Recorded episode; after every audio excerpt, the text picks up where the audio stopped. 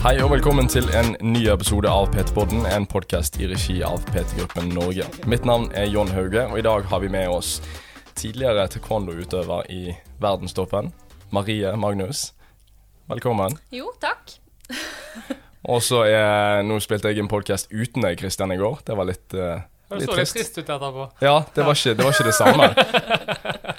Separasjonsangst. Ja, Ja, faktisk. Jeg merket det. ja. Blitt så vant til liksom ha han her på høyresiden. Så nå ser jeg litt sånn gløden igjen i øynene. Ja.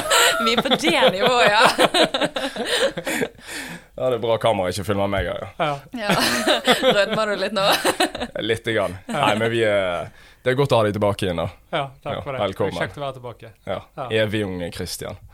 Han pleier alltid å få liksom masse superlativer, egentlig. Ja, jeg har hørt litt, grann, jeg har skjønt at det går igjen. Det har, Ja. det har blitt litt i overkant, egentlig, tror jeg. Eh, så vi må tone litt grann ned.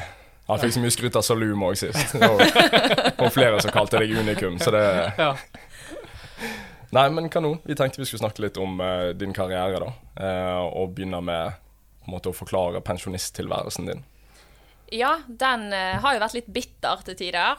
Men uh, så var det en uh, av de En sånn idrettspsykolog der, som jeg jobbet med på Olympiatoppen, som sa til meg det at Marie, det hjelper ikke å henge med huet når du står med dritt opp til haken. Og da tenkte jeg liksom OK, greit. Fair. Ja. Og fulgte opp med den det at det å være bitter, det er som å drikke gift og vente på at noen andre skal dø. Og da var det liksom OK, greit. Stikk nummer to.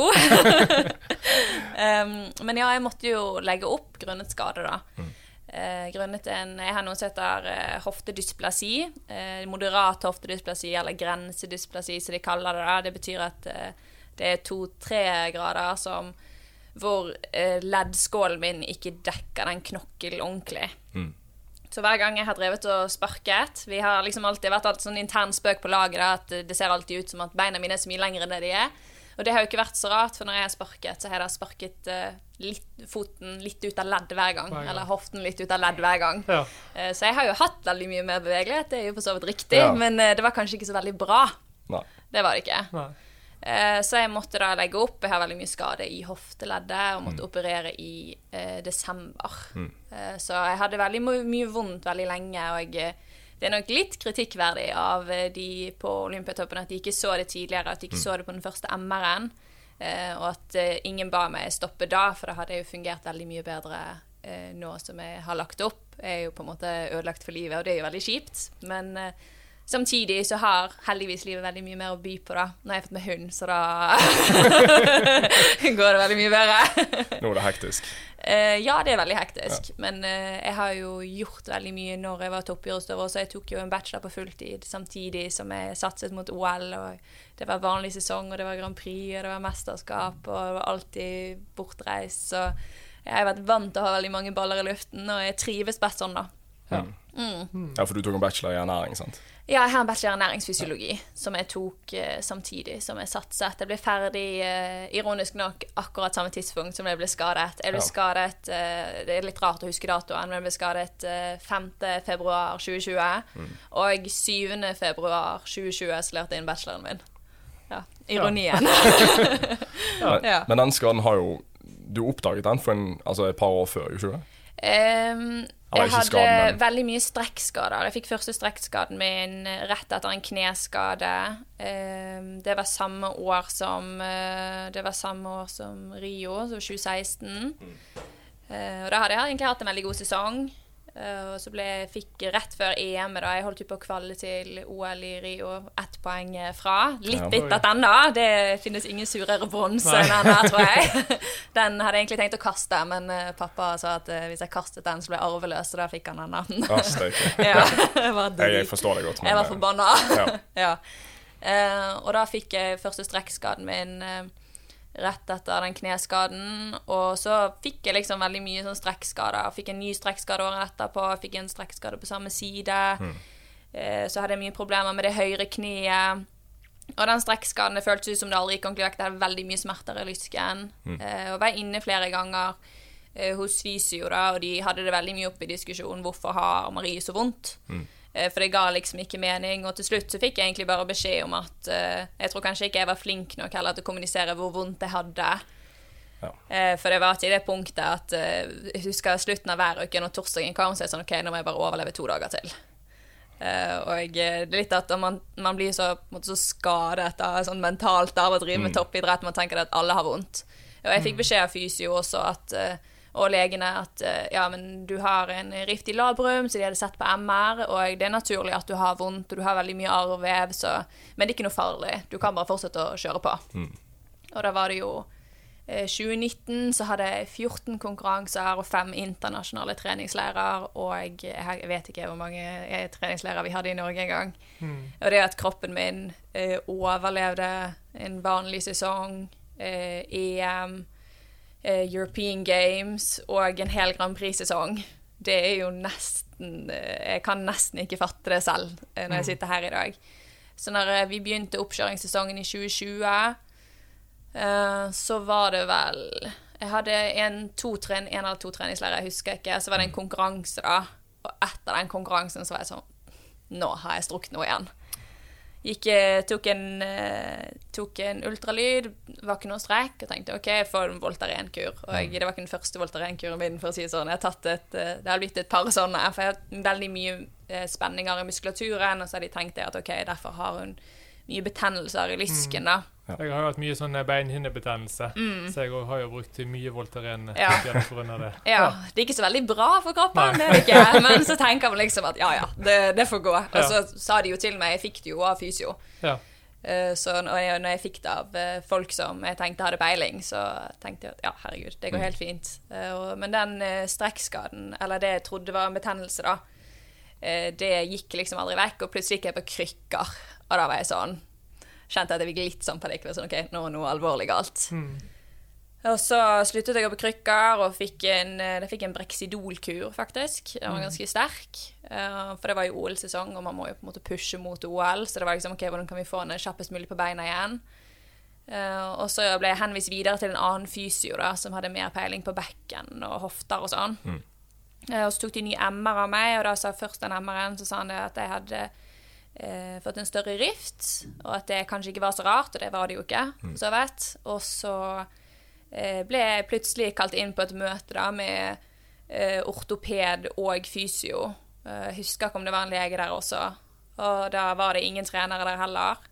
Eh, Så det var liksom bare meg alene da, og så satt de og sånn Ja, Marie, du har noe som heter hoftedysplasi, og det kan ikke vi fikse. Og da satt jeg der helt alene og var sånn Hæ? Hva, hva mener dere med det? Hva mener dere at ikke vi kan fikse? Nå har jeg jo gjort det, og jeg har gjort det, jeg har gjort all rehaben, og hva, kan ikke vi gjøre noe? Fikk jeg beskjed om at enten så kan vi operere deg for hoftedysplasi, eh, eller så må du legge opp. Du kan få en kortison, så du kan, du kan vare fram til kvalik, og varer du fram til kvalik, så skal du få en ny kortison før OL. Og eh, da satt jeg liksom alene på det rommet da, og var bare sånn Dette skjer ikke. Ja. Dette skjer ikke. Og jeg gikk ut derfra og hylgråt. og Det, var liksom, det er jo den verste dommen du kan få som toppidrettsutøver, i hvert fall så tett opp mot en kvalik. Eh, men da Jeg skulle egentlig ønske at på det tidspunktet så hadde de sagt det at OK, Marie, nå må du legge opp, fordi at dette her kommer ikke til å gå. Men det er jo litt sånn det er med toppidrett. Og, og sikkert Olympiatoppen også tenkte det at ok, dette er en utøver vi har investert mye i. Vi skal prøve å få ut et OL. Eh, og for min del, som for min tid nå etterpå, så burde jeg gitt meg da. Men jeg fikk en kortisonsprøyte, ble bedre. Så traff jo korona, som den traff alle andre. Eh, og så eh, gikk jo den kortisonen ut, for da ble det jo ikke noe kvalik. Eh, OL ble jo flyttet. Og etter den korti når den kortisonen begynte å gå ut, da hadde jeg begynt å pushe igjen, og det hadde beskjed om var greit, da. Eh, og da fikk jeg veldig vondt. Til det punktet at jeg kunne gå på butikken, og så eh, kunne jeg sette foten i litt rar vinkel, og så bare kollapset jeg i bakken. Og det skal man jo ikke gjøre når man er 23 år gammel. Nei, for da lå krykkene i bilen, hvis jeg ikke Ja, ja det, jeg tenkte Ja. sånn Herregud, jeg trenger krykker, vi skal bare en tur på butikken. ja, trengte krykker. Eh, så da, etter det så gikk jeg inn igjen, så fikk jeg noe som heter PRP. Eh, og så var det snakk om at jeg kunne, hvis det funket, da, så kunne jeg fortsette å få PRP. Og så har jeg også fått eh, en eller annen syre. Eh, hyaluronsyre, et eller annet sånt. Det Jeg har ikke hørt om. ja, det har jeg fått alle gangene, da. Ja. Jeg har fått Eh. begge deler sjøl. Ja. Og jeg, det hadde i hvert fall den siste kortison hjalp eh, første gangen. Eh, men eh, den eh, PRP-en, og det var Det gjorde nesten bare vondt verre. Jeg hadde så mye trykk i leddet, og jeg hadde så vondt. Jeg husker jeg dro på jeg husker jeg var inne til fysio før, og da sendte de, skulle de sende videre en eller annen søknad da, til, eh, til sykehuset. Og så rett før vi tok sommerferie, så var jeg liksom OK, nå har det gått fire- fire-fem uker. hadde det gått. Jeg var, Hvor er den svaret på den søknaden? Så viste det seg at han eh, ortopeden han hadde sendt den feil, da. Og der hadde jeg gått ved vondt Oi. så lenge for å få en konsultasjon til i Danmark, som på en måte var det neste steget, da. For å finne ut hva vi skulle gjøre, for det, vi var jo på en måte litt rådville. Ja. Og så hadde de sendt den feil. Så ble det sommerferie, og jeg gikk eh, inn i den sommerferien uten krykker. Og hadde så vondt når jeg kom tilbake igjen at da gikk jeg på krykker. da. Og så husker jeg at første treningen, så gikk jeg liksom ned trappen. Og den første som møtte meg på veien opp, det var han ortopeden. Og da var jeg sånn Du! Da løp han. Um, Han burde sikkert. ja, han burde kanskje Ja. løpt. Jeg var, jeg var ikke blid, i hvert fall. Eh, og da gikk de opp, og så hadde de sånn krisemøte. OK, hva skal vi gjøre? Mm. og da fikk jeg ny eh, Da skulle de først så skulle de ta meg på en ny, uh, ny Voltaren-kur. da, Så sa jeg det er jo ikke noe vits å sette meg på Voltaren-kur. Jeg blir jo ikke bedre av det jeg går på krykker. Sånn, har ikke vi gjort dette nok ganger nå, liksom?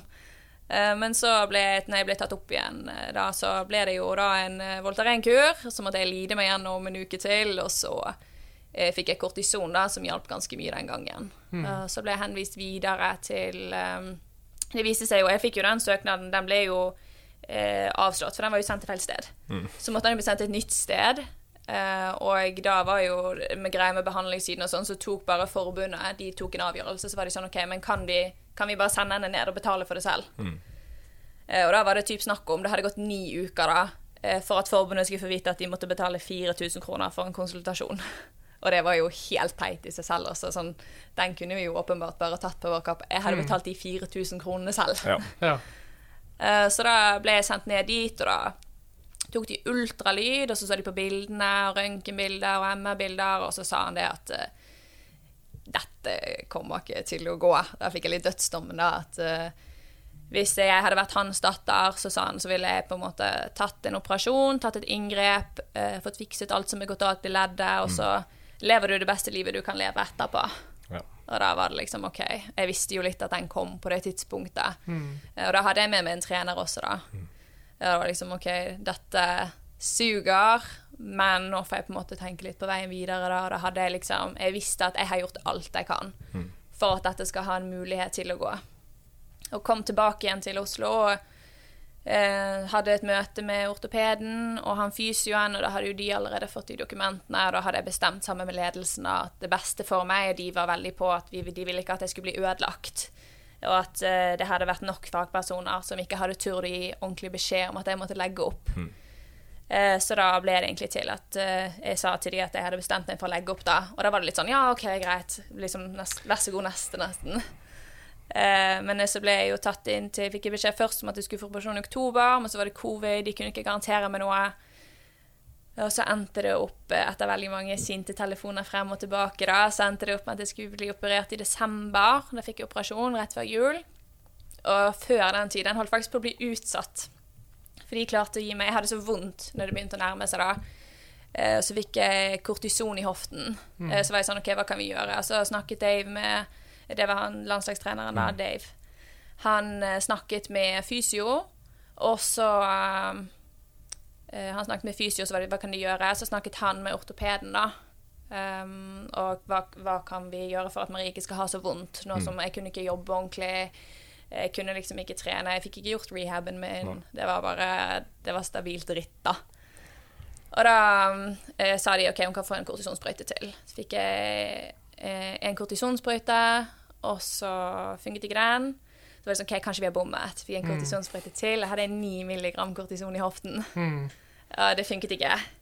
Så kom jeg inn på konsultasjon før operasjon. Eh, Det gjør du en måned i forveien, en og en halv måned i forveien. Så var de sånn, ja, men du har jo nettopp fått kortison, og da må vi vente tolv uker før vi kan gjøre et inngrep. Oh, ja. Og da hadde jeg så vondt. Jeg visste ikke hvor jeg skulle gjøre av meg. Jeg hadde så vondt. Så var jeg sånn, så de ga meg Hvorfor fikk jeg kort beskjed om at jeg skulle ta kortison, da? Mm. Og da var det sånn Nei, det er rett og slett bare en feil. Og da, Altså, for å si det sånn, eh, det var nummeret før. Hadde ikke vært jeg hadde hatt så vondt i den hoften, så hadde jeg, hadde paradert opp til Olympiatoppen, inn på den helseavdelingen, og blitt så Jeg var så sint. Jeg visste ikke hvor jeg jeg tok opp med en rasende telefon da, og noen sinte mailer eh, der. Uh, og da var det jo de sånn Å nei, gud, kan du ikke det? Da jeg, åh, eh, mer uprofesjonelt opplegg i det øyeblikket der har jeg aldri vært borti i hele mitt liv. Og det er på en måte det verste av det verste da, som man kan oppleve, tror jeg. Ja. Eh, men så siden jeg hadde så vondt, vondt da, da ble jeg 100 sykemeldt eh, kort tid etter det. Og da var det sånn OK, vi, vi må operere henne, for jeg hadde så vondt. Jeg visste ikke hva jeg skulle gjøre av meg. Ja, for du sover ikke noen ting, du. du Jeg hadde nesten ikke sovet på et år på det tidspunktet, men det var så ille. Jeg hadde så vondt at jeg var så vei sånn Hvis dette her skal være resten av livet mitt, så hvis folk har så vondt og skal leve sånn resten av livet, så skjønner jeg ikke at folk har lyst til å være i livet, liksom. Jeg hadde så vondt. Jeg kunne våkne eh, Våkne om natten. Jeg fikk veldig mye sånn at jeg fikk sånn plutselig stikk sånn At jeg satt og Så jeg kunne sove og bare sånn og våkne og begynne å gråte, for det var så vondt. Og du blir så fortvilet, for du vet ikke hvor du skal gjøre av deg. Og det er ingenting som funker. sant? Der satt jeg liksom og tok Måtte ta tramadol for å jobbe sammen Satan. med Paracet og Ibux. Altså, det er jo ikke forsvarlig. Du skal jo ikke leve sånn i flere måneder. Nei. Eh, Så han ortopeden var sånn OK, du skal få det inngrepet Du skal få det inngrepet likevel. Så var jeg sånn, det er ikke snakk om en boob job, liksom. Det er for at det skal kunne fungere. ja, men det har gått veldig bra, det inngrepet. da når jeg til slutt ble operert, så var det sånn Jeg våknet, og rett etter jeg våknet etter inngrepet, så var jeg sånn Åh, nå har jeg ikke vondt lenger. Og det var bare så instantly deilig. Ja, jeg hadde jo, De tok jo MR av meg. Jeg har jo en syste i hver hofte. Eh, skade i labrum, så den leddleppen på begge hoftene. På høyre veldig mye mer enn venstre. da Høyre var jo hammeren min. Ja. uh, og så har jeg noe som heter kamrestriksjon. Det betyr på en måte at du har sånn beindannelse rundt knokkel, da, så det passer ikke så godt inni. Så hver gang jeg liksom eh, sparket og fikk eh, veldig mye maksleddutslag, så var det liksom bein som traff bein. Eh, Så viste det seg også at jeg hadde 11 millimeters hull i brusken. da, Så det var akkurat sånn at de bestemte seg for å prøve mikrofrakturering. Ja. Ja, altså, de, Du kunne ikke fått mer skade i det leddet Nei. der. Det, det lignet ikke grisen. Han ortopeden sa til meg at eh, det han vanligvis så sånn, den type skader på, det var 50-åringer som kom og hadde drevet litt for mye med kampsport. da. Ja. Da tenkte jeg ja, ja. ja halvt, eh, halvparten av livet, skulle jeg ja. si. Ja. Det var veldig rart. Det er jo et under at du kom til så langt. da. Det synes jo de også, det var deres argumenter, for jeg var jo veldig sint for at ingen hadde sett dette, og spesielt etter operasjonen da, så var jeg veldig Og det synes jeg er helt berettiget også. Jeg synes noen som krever at andre skal drive med olympisk prestasjon, som et minstekrav bør gjøre det samme selv. Eh, og den behandlingen jeg fikk der oppe eh, på akkurat det området, da, var jo ikke olympisk prestasjon, selv om de er veldig mange flinke folk som jobber der oppe. Eh, og det er veldig kjipt når du på en måte havner på litt sånn at de de tror det kommer til å gå bra, da, og så går det ikke bra. Mm. men de tenkte jo det at eh, det er jo ingen som driver med den type idrett jeg gjør, som har hoftedysplasi. Hvordan i alle dager har hun overlevd? Eh, Ja. det, men det tenker jeg kan bruke til min fordel, for når de sier til meg at ja, du kan, du kan kanskje håpe å få løpe igjen og sånn nå i ettertid, så tenker jeg sånn OK, men jeg har jo klart å slå oddsene bare ved å klare å drive med toppidrett på det nivået med den skaden jeg har hatt, så jeg må jo i hvert fall klare å slå oddsen igjen. Det er jo et minstekrav, tenker jeg. ja. Mm. Men uh, hvorfor tror du at eh, de ikke klarte å oppdage det før, da? Eller tror du at det er noen som så det, men ikke turde å gi beskjed? Jeg tror ikke Nei, jeg tror det er at de rett og slett ikke har sett det. Ja. Jeg tror de så på Jeg tror de så på MR-en min, og så har de rett og slett uh, sett etter helt vanlige funn. da, Sett etter OK, hun har problemer med lysken, og at det er noen som ikke har sett tenkt at det kan være noe annet enn labrum. Eh, For det hadde ikke jeg klart å holde på. I tillegg så har jeg veldig lite hoftedysplasi. Ok. Eh, men at ingen av de har tenkt på å ta et røntgen av meg, Ja. det er jo litt rart, kanskje. Men eh, samtidig så har de på en måte gjort de feilene, da, og gjort det på en måte gjort. Og jeg går ikke rundt omkring og jeg går ikke rundt omkring og er noe bitter av det. Eh, og det har jeg jo fått streng beskjed om at man ikke skal være heller. Men er det, er det noen som har drevet med, med type kampsport og, og så mye sparking og sånn, som har hatt hoftedysplasi? Altså Er du liksom på en måte den første som Olympiatoppen og egentlig har oppdaget har kunnet I jobbe gjennom dette? I Norge så tror jeg at det kanskje er det. Ja. Eh, på verdensbasis så har det forundret meg egentlig om jeg var den eneste. Man har jo veldig mye bevegelighet i leddet, eh, og det er jo veldig viktig i Mm. taekwondo, så jeg hadde syntes det vært rart om jeg var den eneste på verdensbasis. Eh, Det er veldig mange ballettdansere som har Mm. det samme, faktisk. Det kunne han eh, Per Hølmisch, heter han. eh, ja, han dansken. Han som opererte deg, eller? Eh, nei, det var ikke han som opererte meg. Ok. Eh, han het Sverre Løken, han kirurgen. Han var veldig flink, for jeg Ja. har jo blitt veldig mye bedre. Ja. Mm. Så, og det var jo mye skade der inne, så all creds til han. ja. Ja. Men det er liksom, du har jo vært gjennom, ikke samme som hun selvfølgelig, men du har vært gjennom dette med beinhinnene. Du hadde jo fire operasjoner. ja. Hvordan er dette her når du liksom merker at "Faen, nå klarer jeg ikke liksom pushe en dag til, eller en trening til, eller en time til nesten. Nå må jeg liksom gå inn og få operasjon. Ja. Det er jo eh, utrolig kjedelig.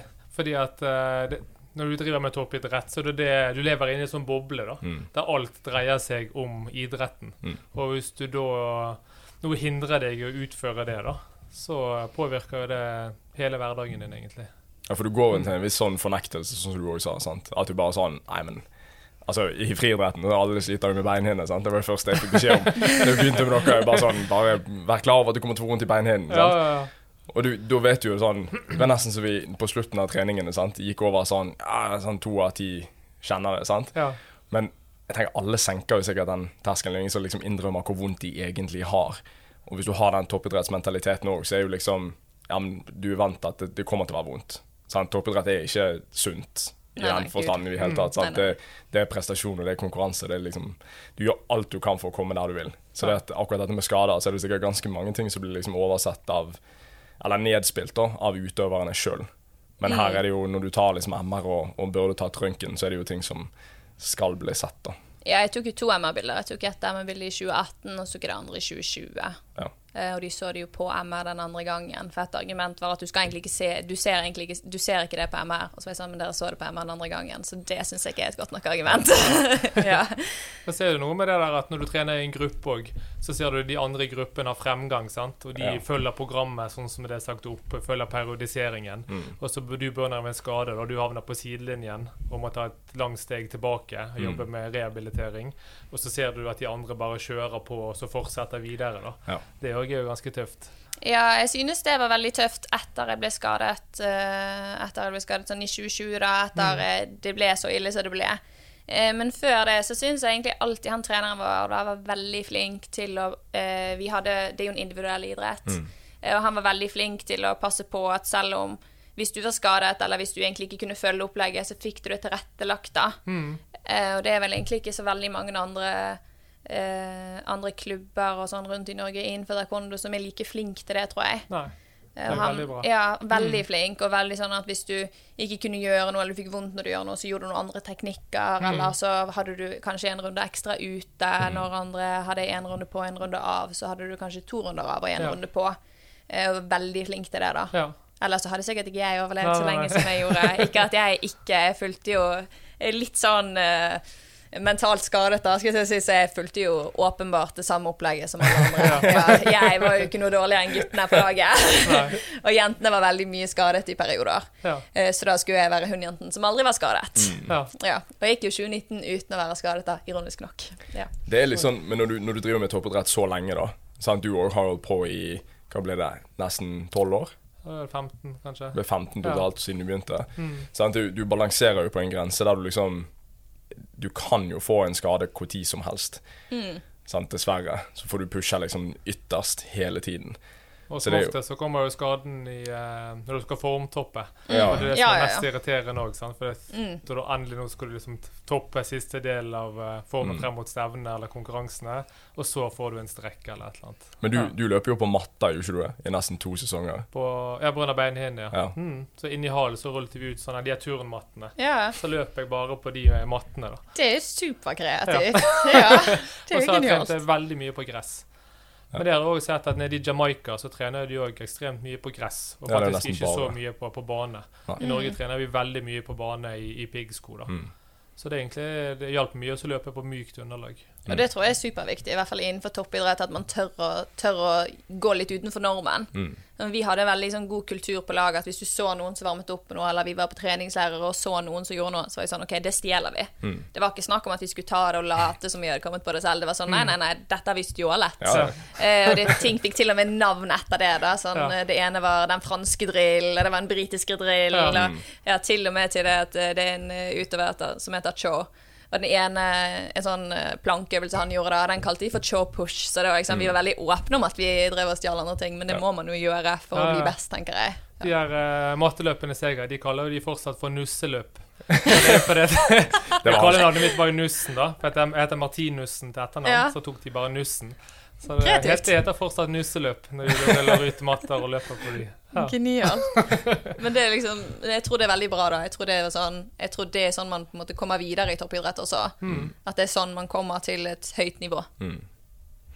Men du eh, ble jo introdusert av din bror Ja, til kampsport når mm. du var 13. Eh, jeg var litt yngre. Jeg var tolv, tror jeg kanskje. Okay. Ja. Men eh, jeg leste at det tok en måned, og så var det liksom 'jeg skal vinne OL-gull'. Eh, ja, det var ikke så veldig langt unna. Jeg begynte først med noe som heter ITAF taekwondo. Du har to ulike grener. da. Du har ITAF, som ikke er full kontakt, og så har du eh, World Taekwondo, da, eh, som eh, er den olympiske grenen. Eh, og jeg begynte med det ene, eh, og så synes egentlig pappa at det var veldig mange som holdt på med det da, eh, og det var veldig store grupper, så han følte kanskje ikke at man ble like mye sett når jeg var på et sånt vestlandscup eller noe sånt. Eh, og da tok han meg med ned der storebroren min hadde trent tidligere. da. Jeg begynte jo med taekwondo, for jeg har jo veldig mye brødre og fettere og sånn, og det var mye lekeslåssing. Eh, så skulle jeg jo åpenbart være bedre enn storebroren min i alt. eh, og da endte jeg opp med taekwondo, da. Han begynte faktisk en periode på'n igjen, men jeg tror at når jeg ble litt bedre enn han da, han liksom ikke hadde helt litt for mye stolthet til å innrømme det, så bare sluttet han igjen. Ja. Nei, veldig vondt i knærne. ja. Mm, men han eh, Det var han som var på en måte forgjengeren da i familien, og så kom jeg etterpå skulle briljere. Ja. og det synes jeg jo akkurat det på det punktet, så gjorde jeg jo det, da. Ja. Men da var det litt sånn tunnelsyn fra den siden, altså siden du var så ung, for du bare visste at dette her var det jeg skulle drive med, men du drev ikke med andre ting utenom. Jeg var liksom dårlig i alt. Ja. Og Det er jo nesten litt sånn gøy fun fact. Jeg var så dårlig i alt. Jeg var elendig i fotball. Skåret kanskje fire mål i hele karrieren min, og to av de var på trening. skjønner du? Hvis du må telle de to målene på trening, så er det ganske kritisk. Eh, og jeg spilte golf. Var en uke på sånn eh, leir, sånn sommerleir hvor du skal få grønt kort. Jeg var så dårlig at eh, jeg fikk ikke lov å prøve å ta grønt kort engang. Uh, og mest fordi at jeg bare forstyrret de andre, og så var det fordi jeg mest sannsynlig ikke ville klare det. da. så veldig sånn hyperaktiv eh, unge, veldig stor i munnen, litt sånn vesle voksen. Eh, og jeg eh, følte kanskje Jeg tror kanskje pappa så på meg og tenkte det at ok, enten så kommer hun til å havne i veldig mye bråk, eller så må hun begynne på noe. Hun må få lov til å sparke folk i fjeset. Ja, virkelig. virkelig sånn, Så meg sikkert drive og slåss med brødrene mine og tenkte det at ok, dette er et rop om hjelp. Nå, nå må vi gjøre noe. Uh, Så da hadde jeg godt uh, begynt Når jeg begynte ned på Nesttun, så var jeg bare sånn jeg var, jeg var helt frelst. Og helt nede i hjørnet til høyre så sto det folk med Norge bak på ryggen. Og jeg synes det var så kult. Og så var det kanskje også det eneste stedet hvor jeg følte at alt det jeg var som person, da, det bare passet så godt inn. Det var liksom lov å være høylytt, det var lov å være litt sånn kjapp i replikken. Og det var et sted hvor man satte pris på at man var veldig direkte og ikke pakket ting inn. Mm. det var liksom det er helt greit å være litt cocky og, eller selvsikker, da, men eh, det blir jo sett på cocky så veldig mange andre steder i samfunnet. Mm. Det var, det var helt perfect. Jeg hadde aldri følt meg så hjemme et sted i mitt liv da, sånn jeg er i kamp. Ja. Og da ble jeg bare helt frelst. Det var sånn, jeg, jeg måtte helt til toppen. Ja, det var veldig sånn Veldig bestemt som barn også, da. Så det var sånn jeg gikk inn, og eh, så husker jeg det var en sånn konkurranse eh, som treneren min syntes er veldig gøy historie å fortelle enda, da. At det, det var en konkurranse i København, og den var kanskje åtte måneder etter jeg begynte nede på Nesttun. Jeg hadde veldig lyst til å være med. Ja. Jeg kunne ikke se for meg noe gøyere enn å være med Hvor der. gammel var du da? Eh, Da var jeg vel tolv. Ja, ok. Ja. Ja. Og da jeg husker jeg sånn, ok, jeg må være med, jeg skal gjøre hva som helst. Og så måtte jeg liksom gå og spørre da, hva skal til for at jeg får lov å være med. Eh, litt blyg på det punktet. Og sa nei, eh, da må du være med på eneste trening. Og da kom det det punktet vi skulle på påskeferie med mamma, og mamma satt og pakket i bagen, og jeg satt og gråt ved siden av og pakket ut av bagen, fordi at jeg måtte jo på trening. Ja. ellers fikk ikke jeg lov å være med. Jeg var veldig dedikert da fra første stund.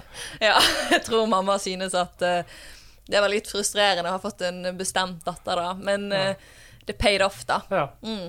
Du er jo veldig heldig òg som har eh, funnet en lidenskap, da. Ja. Det tenker jeg på, på meg sjøl òg, Mm. at jeg faktisk fant friidretten. Og eh, jeg hadde så mye glede i det. Jeg ser jo så mange andre da, som aldri har hatt en ordentlig lidenskap eller en ordentlig hobby hvor de har bare brukt så mye tid på det. Og så lærer man seg også det at liksom, hvis du synes noe er utrolig gøy, så lærer du at det er liksom verdt å legge ned alt det arbeidet. Det føles Altså i øyeblikket, misforstå meg rett, så føles det ut som arbeid. Jeg har gått på treninger og hatet å være der. Men likevel, da, selv om du hater å være der, og du skulle vært hvor som helst eh, av andre steder, så legger du likevel ned alt du har av innsats da. Og det er noe med å liksom kjenne på den forpliktelsen, for du synes egentlig at det er så utrolig gøy. Mm. Og så lærer du at du får noe igjen for det òg, til slutt. Mm, med resultater. Ja, alt fra mestring til det å klare da, å Ja. lykkes. Vanvittig gøy. Ja, ja. Det er liksom, du- altså du, Når du er så ung og du finner liksom det som du virkelig har lyst til å holde på med Altså Du var jo du var 23? Da jeg 24? begynte. Ja. Ja. Mm. Så det at eh, du er heldig at du fortsatt kunne holde på så lenge. da Mm. Men allikevel, det er jo sånn som du sa med podkasten med Salum, at folk spurte deg liksom etter hvert Ja, men nå er du blitt så gammel, liksom, skal ikke du finne på noe annet? sant? Mm. Så bare, nei, men det er, det er så jævlig gøy. sant? Ja. Og så er det det der når du er i den kulturen og det miljøet, og du kjenner at ok, men jeg kan fortsatt bli bedre. Og for din del så liksom gikk gjennom Ja, du Når var det du var best, egentlig? Når du var sånn 33? Når du løper liksom på ditt raskeste? Jeg har vært best helt til jeg sluttet, egentlig. Du har egentlig alltid forbedret tidene. Sant? Det er jo bare Mm. Helt til jeg var 35-36, Ja. så har jeg perset. Sånn, kommer du i Ja. riktig miljø og liksom har riktig innstilling på trening og, og trener knallhardt, da, Mm. så er det jo Det går jo til himmels vanligvis. Mm. Men jeg misunner deg som fant liksom taekwondo når du var tolv år. da. Ja, det, det er jo eh, egentlig storebroren min sin fortjeneste at jeg Ja. begynte, da, som sagt. Men uh, jeg synes det var veldig gøy, og jeg var veldig, var veldig innstilt på at liksom, dette her er det jeg må gjøre. Så hvis jeg ikke gir dette alt jeg har, så klarer jeg ikke å se meg selv i speilet om morgenen. Man blir, liksom, man blir veldig dedikert da. Eh, og eh, mamma var for eksempel veldig imot at jeg skulle begynne ut på Tertnes. Hun liksom, å herregud, det er så langt. Kan ikke du bare begynne på Nordahl Grieg? kan ikke du bare gjøre sånn som alle andre barn? Men jeg følte meg liksom ikke like mye hjemme hos alle andre barn. Jeg følte meg veldig mye mer hjemme i den toppidrettskulturen da. Elsker den toppidrettskulturen og den mentaliteten. Synes det er fantastisk gøy. Mm. så da endte det opp at jeg skulle begynt ut på Tertnes, og så var det sånn, åh, men Marie, må du flytte til Oslo? Men åpenbart måtte jeg flytte til Oslo, for det var jo der satsingen min gikk videre. Ja. Og I begynnelsen var det litt sånn åh, nei, litt skummelt å flytte til Oslo. Men så siste året mitt så var jeg jo veldig mye i Oslo, så da ble den terskelen senket ganske greit. Men når var det du begynte å trene ute hos eh, Christian på Momentet? da? Eh, da begynte jeg å trene når de fikk en avtale sammen med, eh, med klubben. Stemmer det. Med Ja. Karl Erik og Mm, med. Karl Erik og Komgang nesten, da, som var klubben min. Eh, så begynte vi å trene der oppe, og der trente jeg jo eh, nok flere morgenøkter. Klokken halv syv på morgenen, stille der på møll for å løpe fire ganger fire. Det var ikke det gøyeste. Det var ikke så veldig mange folk der oppe, men det var liksom en sånn hilse på de som kom inn. Da. Ja. Tidlig på morgenen, andre morgenfuglene. Ja. Ikke det at jeg anser det som at jeg var der frivillig på det tidspunktet, men jeg var der. Ja. ja. For dere skapte en god kultur for, eh, for prestasjon opp på Moment, så vidt jeg har forstått. Eh, ja, vi hadde jo litt der, men det var ikke så mye på, på toppidrett. Nei. Det var det ikke, men det var vel egentlig bare litt uh, kontaktnettverket som jeg hadde litt fra Olympiatoppen. At jeg kjente treneren til Maria, han Karl Erik. Mm. Og så hadde, trente jeg litt han uh, Tim Robin Lihaug, han bokseren. Ja, Da var Ja. jeg fortsatt styrketreneren hans, og da hadde ja. vi mye av de treningene på, på senteret hvor jeg jobbet. da. Ja. For det var jo lettest for meg. Ja, ja, ja, herregud. Og så eh, eh, hadde jo mine egne treninger der, og da var jo Salum med på de. Mm. Hmm. Mm. Men jeg tror egentlig det var det. Var det. Ja, ja, men det, Ja. det skal ikke så mange til for å liksom skape en sånn Men eh, eh, kultur. Men Tim altså. òg ble jo verdensmester. Ja. det var dødsgøy. Den kampen så jeg. Ja, Og så har du Jan Thomas der i tillegg. ja han òg Ja. var Nei, Å, han var ikke der? Nei. Ok. han var aldri For at han ville ikke trene på et senter Jeg Tror det ble for mye oppmerksomhet sant, når han Ja, kom okay. inn på et nytt senter. Sånn, ja. Så han trente på uh, hotellgym. Ah, ja, ok. Ja. Mm. Nei, men hvordan eh, var det når du bestemte deg for å flytte til Oslo, da? Det var jo egentlig en veldig naturlig avgjørelse. Jeg fikk eh, spørsmål om eh, Jeg fikk tilbud om plass på laget etter jeg var ferdig med videregående. Eh, Vi har jo sånn sentraliseringsmodell. Mm. eh, Og på landslaget, så for å være med på landslaget, siden det er så få utøvere så Hvis du skal se på hvor mange utøvere det er som seniorutøvere, da, det som aktivt satser i Norge, eh, så er det sikkert ti stykker. Og hvis hvor mange som konkurrerer i et NM, f.eks., så kanskje 15-20 på et godt år. Så det er veldig Ja, okay. få utøvere. Ja. Eh, Så for at du skal klare å få et nivå som helt tatt ligner sånn i Tyrkia, så er det sikkert 2000 utøvere i én klasse. sant?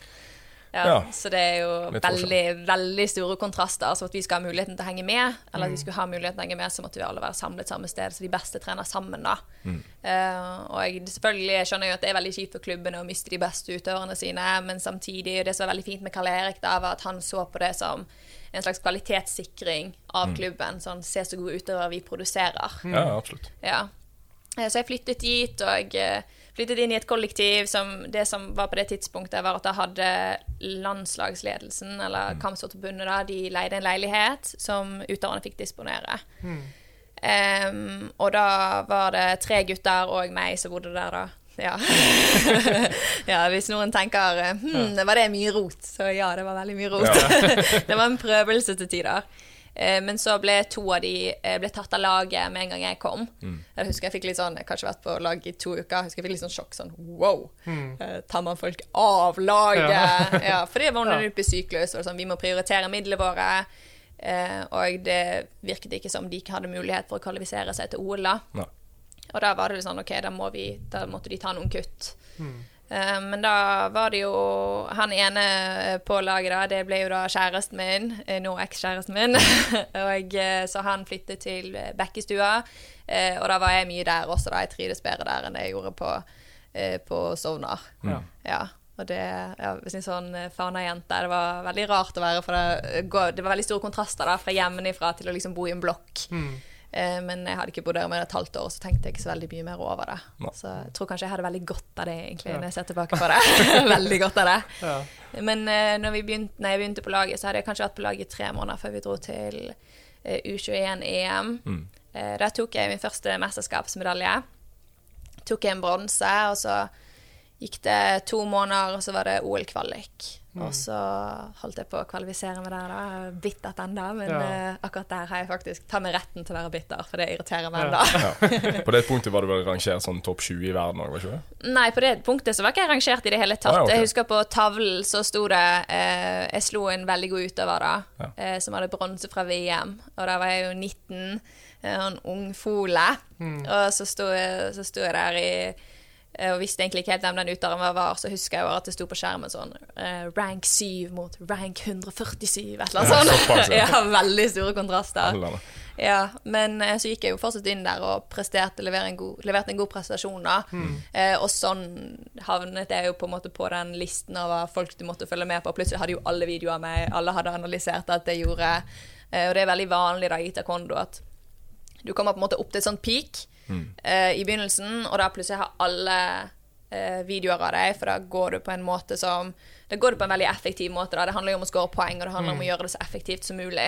Eh, og da var det gamet mitt. Det var blitt veldig mye bedre på de fire månedene jeg hadde vært på landslaget. Og da hadde jo plutselig alle videoer av meg, og da ble det veldig mye vanskeligere å prestere der, for da visste jo alle hva jeg gjorde. Og jeg hadde jo egentlig ikke peiling på hva alle andre gjorde. Men jo lengre man er i gamet, jo mer blir man vant til å se de andre stilene, da, og de beste utøverne møtes jo veldig ofte. Ja. Eh, når man begynner å nærme seg semifinaler og finaler, så begynner man å møte de utøverne som er veldig høyere rangert. da. Ja. Gikk du i fullkontakt, eller? Full kontakt, ja. Ja. Det er full kontakt fra vesten og opp, så er det full kontakt. Ja. Ok, Men du har ja. ikke lov å sparke folk i beina. Okay. Nei. Det, det, det er nok knær som ryker i taekwondo fra før. Jeg tror det hadde vært enda styggere da. Ja.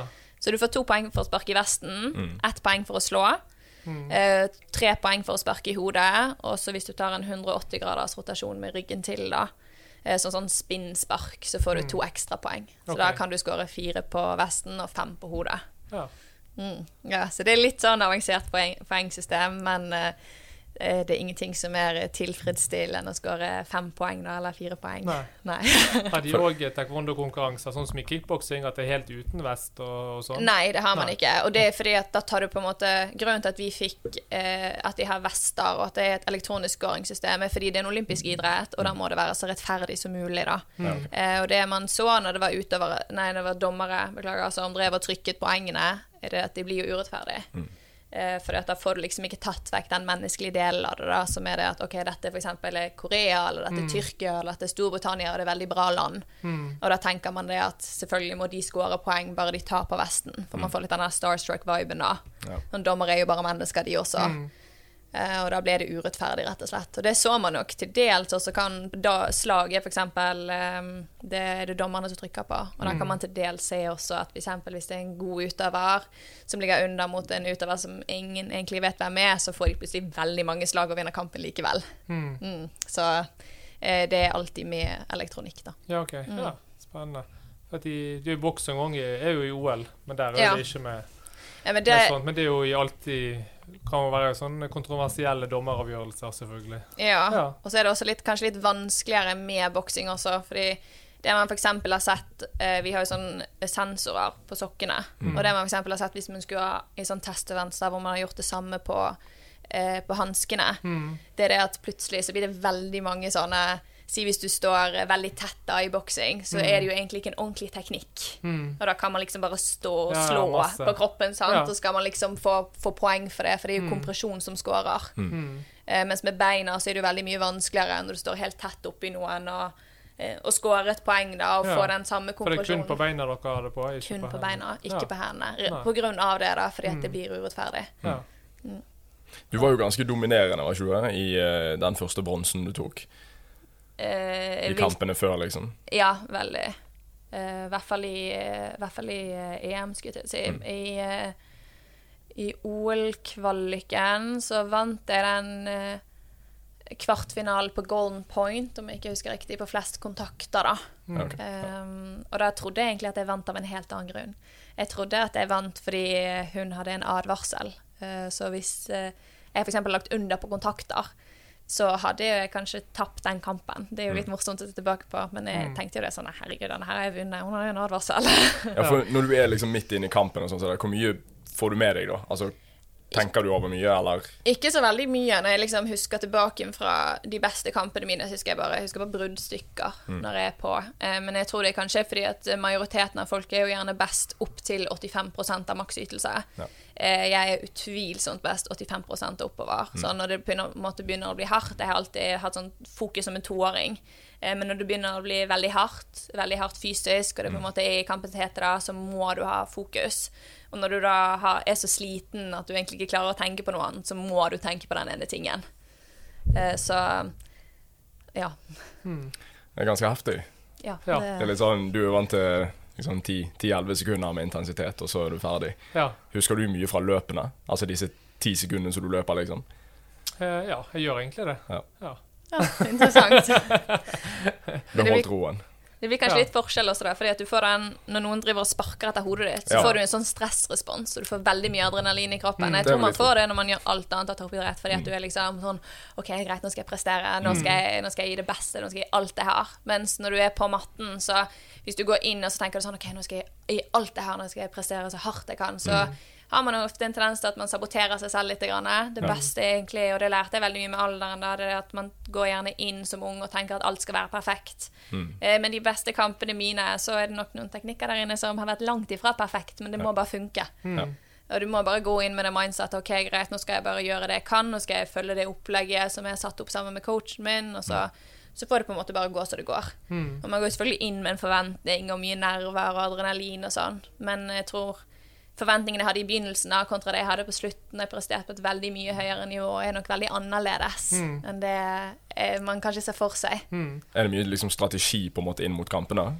Ja, du må jo ha en strategi, og det kommer litt an på. Vi ser gjerne eh, Jo høyere du er rangert, så får du ofte en sånn walkover første kampen, og da ser man eh, Da ser man gjerne motstanderen går mot noen andre, da. Og da kan man liksom være sånn OK, det er en person som er veldig aggressiv, eller det er en person som er veldig passiv, det er en person som har høyrefoten foran, venstrefoten foran. Eh, og så har man drillet det så mye på trening at man vet på en måte hva man skal gjøre. OK, greit, men da gjør vi det, og så ser vi et minutt av kampen, og så går vi. Mm. okay. Eh, Så det blir jo veldig sånn, men hvis det er noen som eksempel i Grand Prix, eller noen du ser ofte eller møter ofte, så vet du på en måte hva du går inn i. Og så gjør du det og driller det på oppvarming, sånn at du på en måte er klar når du kommer inn til kampen og du vet hva du skal gjøre. Så liksom på mentalt. Han, eh, da når jeg, En gang jeg hadde operert ved et beinhinne, så trente jeg litt MMA da når jeg ikke kunne løpe. Ja. Med han eh, Niklas som var kickboksertrener. Ja, ja, ja. ja. Og det som jeg husker fra det, da, det er sånn når du bryter og, og har litt slag og spark, da. Og når du er så sliten at du vet ikke hvor du skal gjøre av deg, det har jeg vært vant til fra egen Mm. Trening, da. Men når noen skal slå på deg når du er i den tilstanden, det husker jeg, det var en helt annen eh, ja, det var helt forferdelig, egentlig. Altså, du er så sliten at du har ikke, klarer nesten ikke å stå. sant? Du er bare helt, helt ferdig. Og så begynner noen å slå deg i magen, i hodet, lårene. Det bare ja. Jeg vil kanskje på en måte si at eh, det mindset man bør ha, er jo at man ikke skal bli slått og sparket. Ja. at det er kanskje der man går inn med. At når man blir så sliten, og tenker sånn Ok, nå skal jeg i hvert fall ikke bli truffet. Men eh, det blir jo sånn noen ganger, og jeg tror kanskje det som også kommer med erfaring, er at man blir så vant til å bli truffet. Sånn, den hardeste gangen jeg ble sparket i ansiktet, og jeg truffet midt i kjeven av en bakerste fot som var hentet fra de dypeste høl. Ja. og av en uh, jente fra Thailand, da. Og jeg, jeg, husker at det var så hardt. Jeg husker ikke de 10-15 første sekundene. Jeg hadde vondt i kjeven i ukevis etterpå, men når du ser det på videoen, så ser det ut som jeg tenkte sånn Herregud, hva er det for noe, liksom? Ja. Ja, så man havner i sånn her uh, sånn mindset, da. Ja, ja, er sånn litt mer eh, adrenalin òg. Det har jeg sett fra andre kampsportutøvere òg. At mm. de går kampen, og så med en gang det er ferdig, så kan de nesten ikke stå på ene foten. Ja, virkelig. ja. Men så kan du liksom ikke vise det når du står der inne, for da gir du på en måte et sånn mentalt uh, overtak til motstanderen. Sant? Du kan liksom ikke vise at, uh, at du har vondt. Sånn, jeg husker jo det er nesten helt grusomt å si, også, men jeg var sånn 14-15, så var liksom det beste var hvis eh, en motstander gikk med, gikk med sminke eller noe sånt, for hvis de da begynte å gråte, så så jeg det. Og det er jo helt grusomt å si i voksen alder, men eh, sånn var det. Ja. ja, uff. Du vet når du får den, den innstillingen som 14-åring, da, ja. da, blir det noe ut av deg som utøver. Ja, sånn, jeg skjønner jo på en måte, når jeg ser tilbake på det, så skjønner jeg jo det at pappa tenkte sånn OK, greit, hun må begynne med noe. Det, jeg kunne jo veldig fort gått veldig mange andre veier. Sånn, jeg snek meg ut av vinduet fra andre etasje som tolvåring eh, skjønner det at jeg tenkte sånn OK, hvordan kan vi få all denne energien og dette faenskapet ut i noe produktivt? Ja. Eh, så han tok nok en veldig god avgjørelse når han ser tilbake på det, da. Ja. Men i utlandet har jo kampsport vært brukt veldig mye med sånn eh, problembarn og sånn òg. Ja. Ja, ja, ja, Norge har det vel ikke helt vært sånn, men i utlandet Nei. har jeg skjønt at det har vært ja. Veldig mange av de beste utøverne i utlandet jo, eh, har jo på en måte litt samme historie som meg. Enten så kan det være at det er skikkelig problembarn, ja. eller så uh, får vi noe produktivt ut av det. da. Ja. Uh, og det som pappa også hadde som, som, pressmiddel, var jo det at hvis ikke du gjør det bra på skolen, så får ikke du trene. Ja. og da gjør det bra på skolen også. så, men i utlandet så er det veldig mange En av de beste utøverne i verden, sikkert på kvinnesiden, hun Jay Jones, hun har jo sagt at uh, hun eh, holdt også på å bli et eh, problembarn, tror jeg. Så ble hun tatt inn i idrett, og da mm.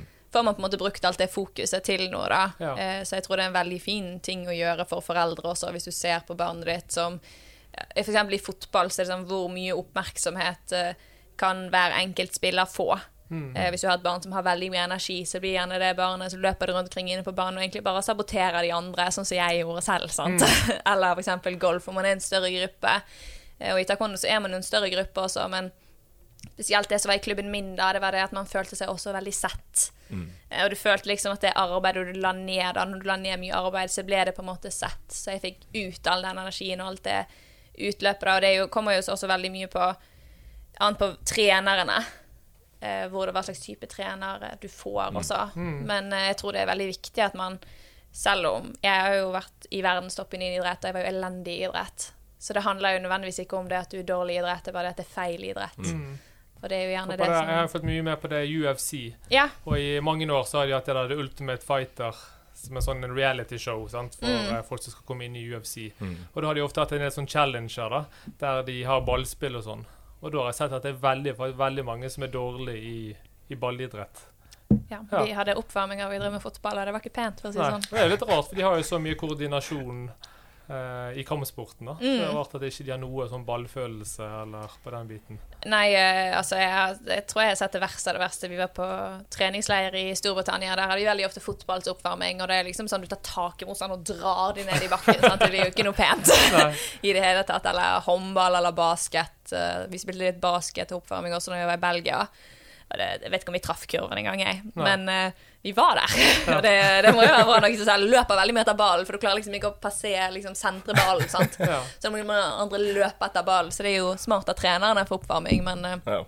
ingen koordinasjon. Jeg har ingen ballfølelse nei. whatsoever. At, uh, nei. Men dette utløpet liksom, både for energi og liksom, konkurranseinstinkt mm. og måloppnåelse og sånne ting, det merker jeg liksom med folk det forsvinner ikke. Mm, nei, det gjør det ikke. så nå må du jo finne et eller annet å liksom få utløp for Det å ha hund hjelper jo mye, da. Ja. Eh, men jeg merker det at eh, det er det å ha et vanlig liv. Så jeg husker noen av de andre utøverne på laget da, så var det sånn Å, herregud, det er så slitsomt å ha et helt vanlig liv. Og eh, nei, og du, du kommer til å være helt sjokk, liksom. Det er et privilegium å være toppidrettsutøver, og det er det jo eh, til et visst grad. Det er ikke akkurat noe økonomisk privilegium å drive med taekwondo, men eh, det jeg merket selv da, var det at eh, når jeg var ferdig, så tenkte jeg sånn Herregud, hva skal jeg gjøre med all den energien? Så jeg har begynt å male. Eh, jeg har fått meg hund. Jeg har eh, Altså, jeg gjør så mye rart nå som jeg liksom ikke tenkte over. Det å ha hund hjelper mye, da. Du er jo faktisk eh, pensjonist, du. Ja, virkelig. virkelig. Altså, jeg Du var ikke bare sjokk. sånn idrettspensjonist. Nei, nei, nei, nei, nei. jeg er blitt pensjonist. Og sånn korona hjelper jo heller Gå på kafé og male litt og Ja, det er helt ta en runde med hund. Vi var, til og med, vi var til og med på hyttetur, en sånn vennegjeng. Og så var det liksom sånn, da sitter du og drikker vin og drinker Ja. hele pakken. Og så var jeg liksom, klokken var sånn halv tolv-tolv, og da var jeg sånn ah, vet du hva, nå må jeg egentlig bare takke for meg. Og nå er jeg trøtt. og da gikk meg og bestevenninnen min vi gikk og la oss, da. Ja. Eh, Så pensjonister liksom uh, fått Jeg håper kanskje at det blir litt bedre når ting åpner igjen, og kanskje man går ut på byen og sånn, men jeg foretrekker å trene Ja. tidlig på morgenen. Jeg tenkte, når jeg drev med, måtte på morgentrening på Tertnes klokken syv, tenkte jeg fy flate, jeg skal aldri gjøre frivillig. Liksom halv syv på gym, og så det var helt uakseptabelt. Men nå gjør jeg det jo frivillig, da. Ja. Fordi at da får jeg så men- mye ut av Men dagen. pensjonister de står jo opp tidlig. Ja, det er nettopp det. Ja, så jeg er litt skikkelig, skikkelig, skikkelig pensjonist. Rett fra Badboy-Marie til Pensjonist-Marie. Ja. Du er liksom et, et tebrød til lunsj unna liksom å være 100 i den. Ja, jeg spiser for øyeblikket veldig mye salater. Jeg vet ikke om det er bedre eller verre. Nei, Det er noe bra. Har du, altså. eh, spiser du dessert i ukedagene? da? Jeg spiser mye smågodt generelt, tror jeg. Så eh, jeg tror hvis jeg bytter det til bakst eller kake, eller sånt, da tror jeg liksom, da er det bikket. Da må liksom noen komme inn og være sånn OK, nå Marie, det er nok. Ja. Men eh, nei, det, det er helt grusomt, faktisk. Men det blir sånn, Ja. rett og slett. Men, men både det konkurranseinstinktet og den, den, det ønsket om måloppnåelse, det, det er jo positivt å ha med seg uansett hva du driver med. Sant? Vi merker det jo nå. Det, det var jo en av de første, Nå snakket vi om det før podkasten begynte med benkpress-NM, sant? men det var jo en av de første tingene du sa sånn uken etter siste løpet på Fana stadion i NM, når du hadde lagt opp. Så var det sånn Nei, men nå må jo nå må det jo bli benkpress-NM, sant? for det har vi snakket om i mange år. Nå blir, nå blir det jo Begynner å bruke armene. Ja, men nå er det liksom ja. ja, Jeg kan relatere. det kan jo du òg. Nei, jeg er så dårlig i benkpress. ja, men det er jo et, greit å bli Ja, men jeg orker ikke å være med der. Og så, liksom, så kommer jeg inn i det NM-et, da, og så taper jeg. Og liksom ikke bare dårligst, men sånn skikkelig, skikkelig skikkelig dårlig. Og Da kommer jeg til å være så sur i, i ukevis. Ja, men vi kommer jo ikke til å vinne. Bak, da. Et eller annet med armene. Ja. Eh, jeg tenkte egentlig jeg skulle begynne på boksing. Det var egentlig målet mitt. Så, fikk jeg beskjed om at eh, mm, det er veldig Mye vridninger. Ja, Ja, nei, du får ikke bokse. Og da var jeg bare sånn ja, det, skal være, det er bra det ikke var noe i nærheten her, for da var jeg villig til å kaste noe. Jeg var skikkelig sint. tenkte jeg ja ja, det er greit, det. Men uh, jeg har bokset litt likevel da, før jeg opererte. Okay. Tenkte liksom hvor mye ja. mer skade kan jeg gjøre? Uh, ja. tenkte jeg, det, det får nå bare stå til sånn som det gjør. Ja. Ja. Ja, for det er et eller annet å liksom få utløp for den, den, det ønsket om å konkurrere, da. Altså, jeg merker det jo med en gang du sa det, med en gang du sendte liksom ah, 'Skal ikke meldes på benkpress ennå.' Så jeg var sånn Yes! Nå, nå er det kamp. Nå er det kamp. Ja. Og det er jo fire stykker her, og så vår felles venn Stian eh, som skal være med. Eh, og det blir jo meg og deg skal jo stille i samme vektklasse, så her blir det jo Ja, du må jo ned en del i vekt, da. ja, det må nok det. Ja. Skal du få slankeren? Ja. Ja, De det- er jo vektklassen over, der, de er for sterke. Ja. Jeg har eh, slanket meg nok i mitt liv til å ønske deg masse lykke til. Ja. Det er ikke engang min verste fiende her å drive og gå ned i vekt. Uff, gud, så grusomt. Nei, vi må Jeg er jo under 83, men du må ned en fem kilo eller noe sånt. Ja, jeg er sånn 87 på morgenen nå. Ja. Ja. Jeg håper Nei, du skal skal- bruke god tid på det. ja, det er vel ikke fire uker til kvalifisering. Å, hei! Jesus. Ja, det er kanskje ikke så tid. Ja, men Jeg jeg vet om faktisk jeg kan eh, kvalifisere i vektklassen over. Kvali Ja. Kvalifiseringskravet der går fint. Ja, det, var ikke, det var ikke veldig høy kvalifiseringskrav på noen av de, egentlig. Nei. Så, men det er jo gøy. Det er jo Ja, uansett ja, ja. eh, litt intern konkurranse òg. Ja. Det er deilig å konkurrere, da. Det der adrenalin og det der jaget. Sånn jeg, siste jeg konkurrerte i, var eh, Det er jo egentlig ingen konkurranse. Dette er Escape the Room. Det er egentlig et samarbeidsspill. ja. Du var aleine, du, egentlig. Nei, ja, nei, altså det var meg og eh, meg og hun bestevenninna vi var på besøk hos eh, storebroren hennes og roomien. Så satt de liksom alle og spilte spill, da. Og så var det sånn Skal vi spille Escape the Room? Det var dødsgøy. Og det er bare sånn ja, Nei, du gjør det feil, du gjør det feil. Nå tier du stille og setter deg. Det var ikke pent. du er jo helt dum. Ja. Men- Nei da, det Ja. Du har jo noen venninner som fortsatt driver med dette her. Ja. Det er Elisa og Randi, sant? Elisa Randi, ja. Ja. Hvordan er utsiktene for de? Nå, nå leser jeg litt at det skal være OL-kvalik, eller en konkurranse for kvalik til OL 5. til 7. mai. Eh, ja. Er det siste sjanse for de? Ja, det som er med taekwondo, du har direkte kvalifisering, som er de som fest, fem høyest rangerte utøverne i, i olympisk ranking. Ja. Uh, og så har du en ekstra plass for en konkurranse heter Grand Slam. Eh, og så har du da kvalifisering da hvor uh, hvert kontinent har to plasser, så du må komme til finalen for å kvalifisere deg. Eh, og så har du i Oceania har én plass. Ok. Ja, og Randi hun husker jeg òg. Ja, Randi er reserve i kvaliken. Det er Lisa som har plassen Ja. eh, i pluss 67 kilo. Ja. Og så er det en uh, ung og lovende utøver som heter Mari, eh, som eh, blir sendt i minus 67 kilo, da. Eh, men eh, jeg tenker i hvert fall Lisa har jo vært med i Grand Prix tidligere og eh, har nok store muligheter for å klare å kvalifisere seg, men det er jo en dagsform, eh, og du må liksom klare å prestere på den dagen, da. Ja. Eh, Så på herresiden så er det Rikard og eh, Milos som blir sendt. Eh, Rikard har jo eh, vært rangert eh, helt opp i toppen. Han var direkte kvalifisert en periode, og så hadde han en litt uh, lat sesong, kan man kanskje si. Ja. det er, så han er rett utenfor. Jeg tror han blir rangert som nummer én i kvaliken, da. Ja. Mm. Så eh, jeg eh, er veldig optimistisk til at de klarer å få en plass, og jeg føler meg veldig trygg også eh, på at de klarer å kvalifisere seg Mm. til OL. Det hadde vært dødsgøy. Det er jo litt ja, ja. sånn, selv om man ikke er en del av laget, og jeg kjenner jo kanskje litt til litt, selv, om man ikke er en del av den gruppen, så er jo, det blir som en sånn utvidet familie, da. Du har jo vært med i kulturen såpass lenge, da. Ja. At, uh... Og jeg føler jo det, kanskje spesielt på jentekulturen, da, så føler jeg at jeg har vært med å lage den kulturen helt fra bunnen av. Eh, og det samholdet, da. Og det er utrolig viktig for meg at de presterer likevel. Det det nærmeste jeg kommer å føle det at jeg på en måte har prestert selv også, da, med å ta en plass til OL. I hvert fall noen du kjenner og har trent med de utøverne som skal. Så Ja. det er ekstra gøy å følge med. Det er nettopp det. Og sånn, Tina kvalifiserte seg jo i 2016. Eh, og jeg var utrolig glad på hennes vegne, og man blir utrolig stolt av dem, fordi at de er der liksom hver dag. Sånn, jeg var borte og besøkte dem for ikke så lenge siden, for å si ha det til dem før de dro, til, eh, dro på sånn pre-camp før kvaliken nå, da.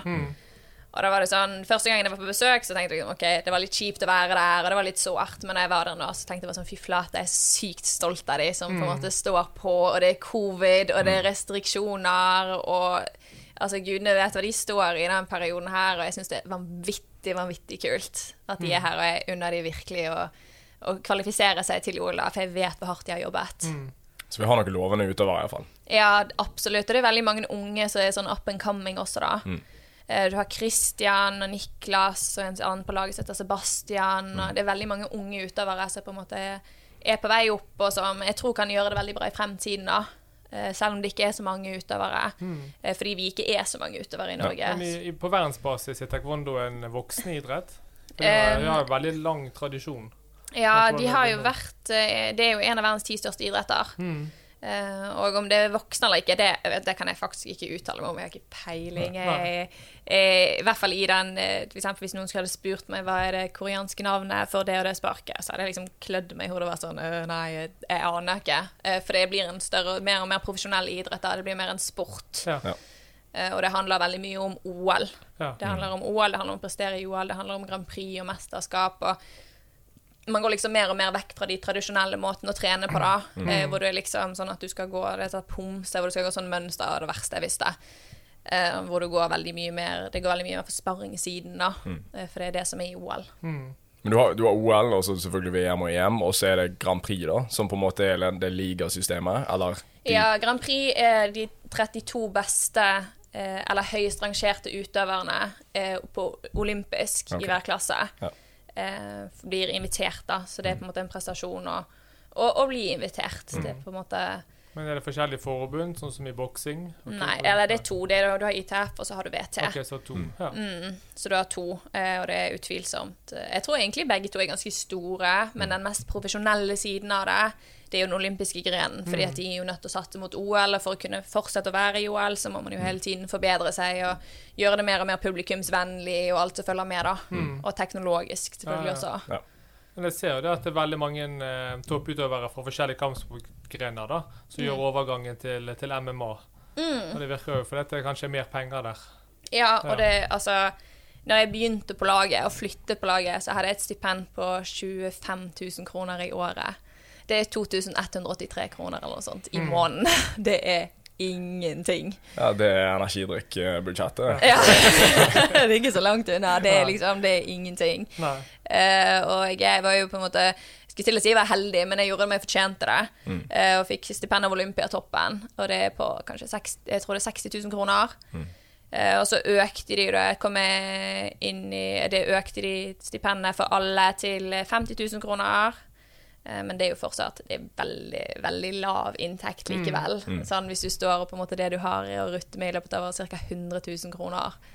Uh, så vi hadde jo på en måte gratis leie og sånn, men det er jo fortsatt det er jo ikke mye penger. Nei. Det er Nei, ingenting. Det er ofte er forskjell på Norge og ned i de fattige landene. Sånn som Mm. vi har sett på i Brasil, så kan jo idrett være en vei ut av fattigdommen. da. Ja. Mens i Norge er det motsatt. Da må du liksom sette økonomi og jobb og utdanning på pause. da. Mm. Og så kommer du kanskje i en dårligere økonomisk situasjon enn de som ikke driver med idrett. Ja, Så så er det jo også det, eksempel, eh, som har vært et tema oppe hos oss veldig mange ganger da, eh, på laget, er det jo også det at når du du kan ikke, I Norge så kan du egentlig ikke holde på med toppidrett så lenge. at du kan jo ikke spare opp til noe pensjon eller noe sånt. Og du har jo ikke penger til å spare opp på det ved siden av. Så hvis du begynner å ha din første jobb når du er 30, da, Mm. så har jo alle andre jobbet siden de var 18-16. Det er veldig, veldig store kontraster Mm. eh, på hvor mye du får oppspart pensjon på, på de årene, da. Eh, I tillegg til at hvor lenge skal man leve eh, med dårlig økonomi, og det er et stort problem i toppidrett i Norge. Og jeg tror veldig mange, sånn hun Grace Bollen gikk jo ut og snakket om hvor dårlig det var med økonomi, så får du veldig mye backlash, sant. At du,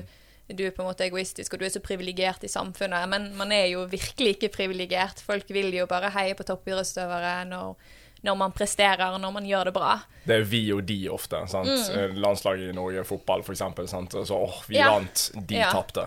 Ja, virkelig. Det er den som går igjen ofte. Ja, utvilsomt. Og det er, jeg tror folk tenker at uh, f.eks. det med oppfølging etterpå da, for utøvere er sånn Jeg reagerte på at jeg ikke fikk tilbud om noe fysio. Eh, og når, etter jeg var operert fra Olympiatoppen. Det var liksom mer sånn Her har du liste med noen navn som du kan eh, ringe for å høre om de kan hjelpe deg. Mm. Istedenfor at de var sånn OK, du har hatt en veldig alvorlig skade. Her vil vi anbefale deg å gå til fysio. Eh, og Kan du fått få det dekket gjennom sånn idrettsforsikring, eller? Nei. Oh, nei. Nei. Jeg fikk det dekket gjennom forbundets forsikring, for de hadde ikke fjernet forsikringen på meg. Ja, okay. Det var sånn jeg fikk Så det dekket. flaks, egentlig. Eh, nei, det var forbundet faktisk som gjorde en veldig god jobb med Ja, okay. å ivareta meg, faktisk. eh, men eh, gjennom, da hadde jo fortsatt, jeg hadde fortsatt stipend hos Olympiatoppen de fire månedene etter jeg la opp. Mm. Jeg, jeg hørte ikke noe fra dem, med mindre jeg tok kontakt, for å si det sånn. Mm. Eh, og også en annen en som var på laget tidligere, hun eh, måtte også legge opp grunnet skade. Og så spurte hun året etterpå sånn Nei, jeg brukte ingenting av stipendet mitt i fjor. Eh, kunne jeg fått eh, skrevet en mail da, kunne jeg fått, eh, en fysio, kunne jeg fått fire fysiotimer i året? Nei, det har ikke vi midler til. Det er et olympisk år. Men det er et olympisk år annethvert år oppe på Olympiatoppen. Ikke, det, ikke det er veldig rart. Ja, ja. Eh, og så klagde hun da og gikk rett til fysioen og var sånn Jeg, jeg skal ha oppfølging fire timer. Mm. Så var de sånn OK, greit. Så det er jo Du må være litt hardhendt. Ja, én ting er nå det, men det er veldig rart at man er nødt til å være så Ja, ja, hardhendt ja. også, synes jeg, da. Eh, og jeg synes at noe de absolutt bør se på, er jo hvordan de ivaretar utøvere som har vært nødt til å legge opp grunnet skade. da. Jeg Mm. skjønner det at det kanskje er vanskelig for de å være sånn OK, hvem skal ha rett oppfølging, og hvem skal ikke ha rett oppfølging? Mm. Eh, men i hvert fall når man har vært der oppe og hatt et stipend. Mm. Fordi da har du jo hatt det fordi du har vært på et høyt nivå, eller så får du, du får ikke stipend av Olympiatoppen hvis du ikke har prestert, for å si det sånn. Eh, Det tar jo de ene og alene på resultater. De takker det på at 'oi, hun der er skikkelig kul, hun får stipend'. Så da tenker jeg at det burde jo i hvert fall vært en måte de kunne De kunne funnet ut hvem som hadde fortjent noe oppfølging etterpå. Da. Og de har egentlig jeg snakket med han, eh, han ene psykologen som jeg jobbet med der oppe, som var veldig flink til å følge meg opp etterpå. da. Mm. Som var veldig sånn OK, Marie, hvordan kan vi bruke teknikkene du har lært i toppidrett i det vanlige livet, og sånne ting. ja, På en veldig pedagogisk forklart måte. Ja. Eh, og han sa det at jeg hadde rett til oppfølging året etterpå. Men eh, det ble så mye krangling til slutt at jeg bare la det fra meg, og er veldig fornøyd med fysioen jeg har i dag, da. Mm. Men det, det er jo et, også et uh, Hvordan tar du alle de positive egenskapene som du har lært gjennom toppidrett, og, og den kulturen der videre i arbeidslivet og privatlivet. Og det har jo vi snakket veldig mye om, sånn som du òg prater mye om. Uh, og når vi har hatt forelesninger sånn, så har du òg pratet mye om det at det som du lærte på en måte gjennom din idrettskarriere og gjennom Olympiatoppen, uh, du har tatt det med deg inn i arbeidslivet. Og det har jo fungert ypperlig, å skape den type prestasjonskulturen. Å sette mål for seg sjøl og hele tiden sørge for at du har en plan, og at du følger opp, og at du når mål og setter nye mål og hele veien pusher grensen videre. da. Og det er jo noe som er Uansett hvor lenge du holder på med idrett, så er det jo noe du ofte får stempel Iallfall individuell idrett, da, for da står du 100 ansvarlig sjøl for prestasjonene dine. Noe som du får veldig stemplet inn. Så det Det kommer litt an på om man har lyst til å bruke arbeidslivet, om man har lyst til å oppnå noe der òg, da. Mm. Eller om man har lyst til at arbeidslivet bare skal være et sted man mottar lønn, Mm. og så lever man på for fritiden og finner Ja. på ting der, da. Eh, Så kan man selvfølgelig gjøre en kombinasjon. Men jeg merker på meg sjøl at eh, hvis jeg ikke skal oppnå noe på jobb, da, så er det veldig kjedelig å gå på jobb. Mm. Ja, den, den kjenner jeg litt på selv, tror jeg også. At Ja. jeg vil på en måte Jeg, jeg blir veldig, jeg er veldig ambisiøs som person, da. Jeg Mm. Kan liksom ikke se for meg sånn man skal liksom, Du skal ha oppnåelige mål. Det er jo én ting, men det må jo være litt sånn at man i hvert fall strekke seg ganske greit for å komme ja. dit. Eh, og jeg tror også det er veldig viktig, da. Eh, I hvert fall med den toppidrettsmentaliteten, og når man vet at hvis man jobber hardt, så lønner det seg. Og man Mm. får jo med seg veldig mange sånn positive egenskaper fra toppidretten. Mm. Og jeg tror det er veldig viktig at man, man bruker de, da, og at man tenker tenker også er veldig reflektert rundt ok, men hva, Og det var han veldig flink til å få meg til å tenke på. det, være veldig reflektert rundt, ok, men Hva har du lært? Hva tar du med deg? Hva er du takknemlig for? Mm. Eh, og det har også gjort det at jeg kom jeg kom meg på en måte veldig fort mentalt. Det hadde ikke vært for at jeg hadde hatt så vondt, så tror jeg det hadde gått veldig mye fortere for meg. Ja. Eh, på en måte komme over på den siden hvor det er sånn OK, hvordan skal jeg bruke dette? Hvordan skal jeg bruke dette? Hva kan jeg strekke meg videre etter? Og det sa jeg også på intervjuet til den jobben jeg har nå, da. Mm. Så sa jeg også det, jeg bare jeg har så mye motivasjon fra OL i, eh, OL i Tokyo som jeg ikke har på å bruke på noe. Sånn, bare gi meg noe å bruke den motivasjonen på! Ja. Ja. Ja, Hvor jobber du nå, da? Jeg jobber på en klinikk oppe på Nesttun, eh, hvor vi har ulike apparater som påvirker av blodsirkulasjon og lymfedrenasje, sånn som heter bodytuning. Okay. OK. Ja. Ja. Men Jobber du med ernæringsbiten der, eller? Eh, jeg jobber med ernæringsbiten i tillegg. Okay. Eh, og så jobber jeg også med å sette folk inn i de ulike apparatene. Sånn, de ulike apparatene har ulikt trykk, og eksempel i en vakuumapparatet så vil det være ulike eh, negative trykk, og da bør du liksom ha litt peiling på hva slags negativt trykk noen skal ha når de kommer inn da med en problemstilling. Mm. Og det er jo veldig mye sånn muskel- og leddplager eh, som ofte går igjen da. Veldig mye hevelser i beina. Eh, typisk sånn lymfødem, sånne ting. Mm. Eh, så kommer jeg inn på klinikken, og da er det viktig at man har peiling for hva slags programmer de skal eh, inn på. Og jeg synes jo, det går jo på det, eh, det som heter biofysikk, og jeg synes jo det er kjempeinteressant. han Jeg er jo veldig nerd av meg også. Det, er sånn, det tror jeg kanskje må være for å bli god i toppidrett. også. Du må være litt sånn nerd for litt Ja, ja. forskjellige ting. Elsker å lære nye ting. Ja. Eh, Så når jeg liksom fikk høre at det er apparater som påvirker fysiologien, så var det sånn Sign me up! ja. ja. Men det er veldig Når begynte du der, da? I september. Midten Ja. av september. Mm. Mm. Det har vært en liten stund. Ja, jeg har jo vært sykemeldt kjempelenge. Jeg er fortsatt sykemeldt 40% Jeg kan ikke gå over lengre perioder. Ja, okay. Det er jo vanvittig irriterende. Sånn, det går lettere å ta markløft enn det gjør å gå. Det er jo, Ja. ja, men jeg har jo, det er jo et ettårsperspektiv på å, før jeg kan prøve å gjøre noe, som f.eks. hopping eller dansing eller fotball, idrett, alt Ja. mulig, før jeg får prøve, da. På grunn av den bruskskaden. Ja. Den er Det er jo mye vondt i det leddet også, Ja, ja. så det er jo litt sånn Må ta og gi litt. Grann. Ja. Ja. Så ja, men det blir gøy fremover for deg òg, da, noe med arbeidslivet. Se Ja, jeg synes jo det er veldig gøy å jobbe. Eh, det synes jeg. Men eh, ja. Jeg tror eh, egentlig at når jeg føler meg litt bedre og føler jeg har mer å gi, så tror jeg Mm. nok alltid litt gøyere da Ja, ja, ja. Når jeg liksom eh, I min eh, versjon av å slappe av, ikke å lese til eksamen eller noe sånt. ja. Så nei, Man lærer jo veldig mye gjennom idretten i at hvis man følger planen og jobber hardt, så får man resultater. da. Mm. Og Når man hele tiden oppnår forskjellige resultater gjennom mange år, så får man mye selvtillit, Mm. og man vet at dette fungerer. Sant? Og man har møtt mye motstand med, med skader, som du har. Jeg hadde jo på det meste var jeg seks år vekke med fire operasjoner og Mm. rehabilitering. Ja. Wow. Og så liksom når du da gidder de seks årene, da, og så kommer du tilbake og så presterer du bedre enn det du gjorde før, Mm. så ser du det at liksom gang på gang det funker. da. Mm. Og det er liksom den selvtilliten som jeg òg tar med meg i arbeidslivet. da. Jeg vet at hvis jeg bare lager disse planene og har disse målene, og Mm. dette skal vi kjøre på og gjøre, da, så jeg er jeg helt sikker på at det kommer til å gå.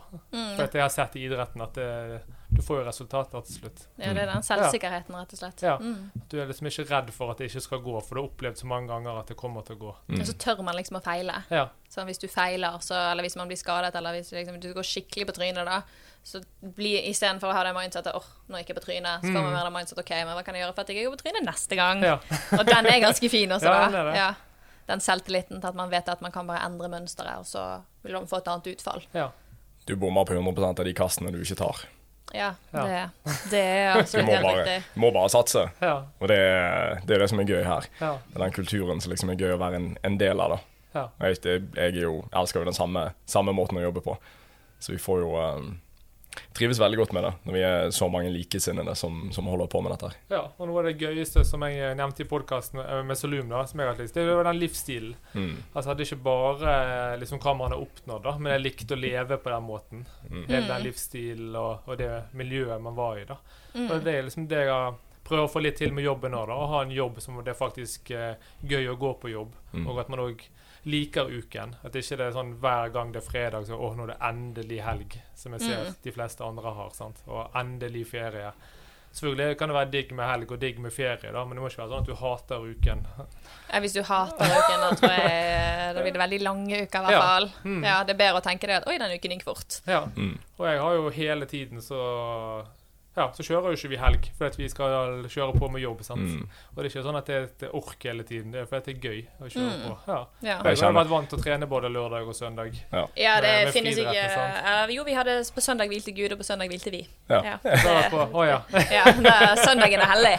Jeg Ja. trener faktisk eh, fortsatt ikke på søndager ofte. Ja, okay. Ja. Hvis jeg trener på søndager, så er det sånn loff-økt. Jeg går aldri liksom, Nå skal jeg pushe meg selv så hardt til kamp en søndag. Det bare ligger ikke naturlig. Vi har trening hver søndag. Ja, dere har det? Ja, ja det på friidretten. Jeg, jeg kjenner jo jeg går inn i helgene, og hvis vi ikke skal noe med jobb, så blir jo jeg mer stressa enn hvis vi skal noe. Altså Ja. Da er det jo det er liksom kjedelig å måtte vente til mandag før vi kan begynne å gjøre ting igjen. Ja, ja. Og så jeg vet ikke hvordan det var med deg, men vi hadde jo nesten alle ferier var jo treningsleirer. Altså Ja, de siste 15 årene. Så bare to på, jeg har kun hatt to påsker som ikke har vært treningsleir. jeg har hatt én, tror jeg kanskje. Ja, sant?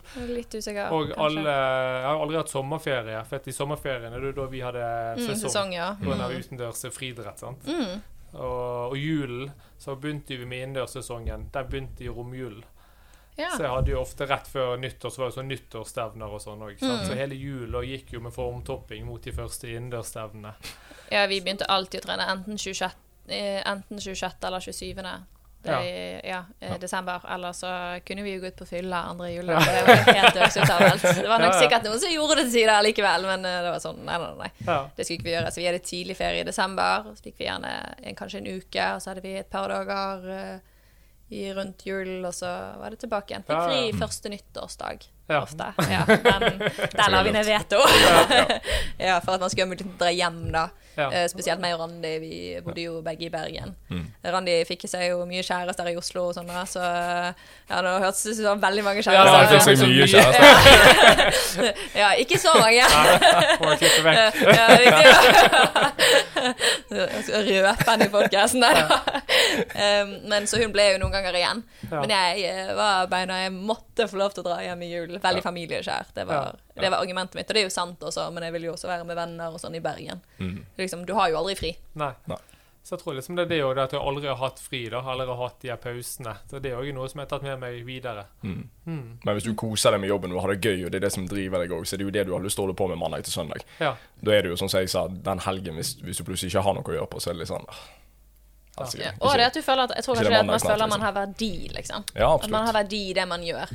At hvis man, hvis man går på jobb og man føler det at uh, jeg har en verdi med å være her, og jeg tilfører noe til de som er rundt meg, og dette tilfører meg noe, så er det jo veldig mye mer givende å være der, fordi at du har den verdien i det du gjør, og i den personen du er i det du gjør. Og det tror jeg man, man merker veldig mye i toppidrett også, da, at uh, og som man tar med seg videre, at hvis jeg føler jeg hadde vært et sted, og jeg ikke hadde hatt noe verdi i det jeg gjorde, så hadde jeg begynt å jobbe et annet sted, eller så hadde jeg valgt å gjøre noe annet, fordi at jeg må ha den verdien i det jeg gjør, da.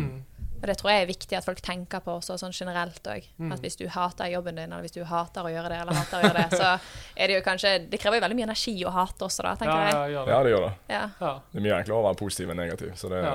Ja, det, men, men det er virkelig det. Og det er liksom, hvis du går rundt og irriterer deg over noe over lengre tid, så tar det tar vanvittig mye energi. Ja. Det gjør det.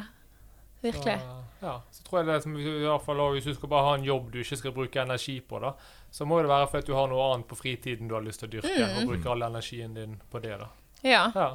Utvilsomt. Jeg tror kanskje jeg hadde kjedet meg litt også da, hvis jeg hadde vært sånn Jeg satt og trippet i åtte timer og sånn OK, når jeg er ferdig, så skal jeg gjøre det. ja, jeg tror kanskje at eh, Jeg tror ikke det hadde gitt meg så mye, men jeg er veldig avhengig av at jeg må like det jeg gjør. Eller så gjør jeg noe annet. Hvis jeg føler at OK, nå har jeg lært det jeg kan her, så må jeg videre i livet. Eh, nesten med en gang. Jeg er veldig utålmodig. Ja.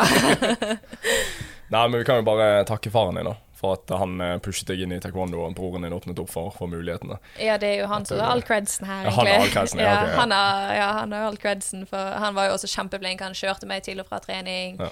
eh, så jeg skulle ha tid til å gå ut på tertene. Så jeg fikk låne bil i hytte og pine. Han betalte for alle reisene mine frem til jeg kom på landslaget. Eh, Så han skal ha veldig mye cred. Selvfølgelig resten av familien også, men hvis det er sånn én person som har på en måte fått all credsen, så er det utvilsomt pappa. Ja. Og greit at du fikk komme inn et sted der du fikk lov til å sparke folk i fjeset. Altså, det er ingenting som er så tilfredsstillende som å sparke noen og trakke noen skikkelig hardt i ansiktet. Altså, det er ingenting. Jeg har aldri fått foten min så høyt at jeg liksom klarer det. det da hadde jeg fått hoften ut av ledd umiddelbart. i hvert fall. Jeg kan relatere til hoften ut av hvis Ja, det det kan du, ja. Det, jeg tror jeg skal prøve å unngå det, iallfall. Må ringe ambulansen rett etterpå. Ja, det Nei. Nei, men strålende. Dette her var jo Tusen takk for at du eh, ville Jo. komme og stille opp. Takk for at vi kom. komme. Jo, dette var fantastisk. Det var kjekt. Det var godt å ha deg med igjen, Kristian òg. Ja. Ser lengten ned til høyre. Nei, men glimrende. Da sier vi takk for oss, og så høres vi i neste episode.